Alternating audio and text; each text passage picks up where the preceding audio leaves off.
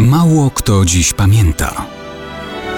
Datownik historyczny prezentuje Maciej Korkuć.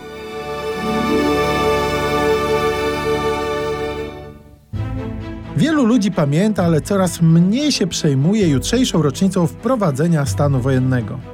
Co o nim wiemy? Dużo, choć nie wszystko przebija się przez podtrzymywane bajki wymyślane na użytek polityczny przed i po 1989 roku. Przede wszystkim wymyślają to sami komuniści z dawnej PZPR. Znamy dzisiaj kluczowe dokumenty polskie i sowieckie.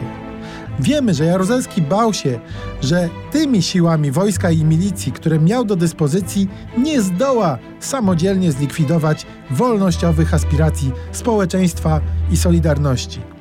Zabiegał wielokrotnie w Moskwie o wprowadzenie do Polski dywizji sowieckich. To właśnie uważał za gwarancję utrzymania władzy przez partię komunistyczną.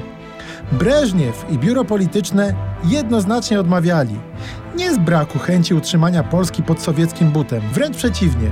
Musieli brać pod uwagę, że ZSRR uwikłany w wojnę w Afganistanie i dramatyczne kłopoty gospodarcze, nieznane jeszcze dobrze na świecie, nie wytrzyma militarnych, politycznych i ekonomicznych kosztów bezpośredniej, jawnej interwencji i okupacji 35-milionowej Polski.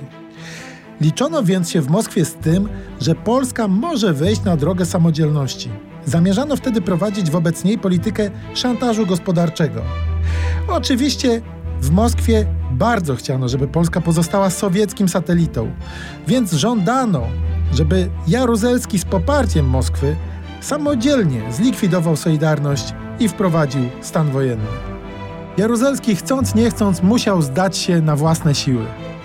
I takie są kulisy 13 grudnia, kiedy Jaruzelski przywrócił nad naszą ojczyzną pełną kontrolę Moskwy i Związku Sowieckiego.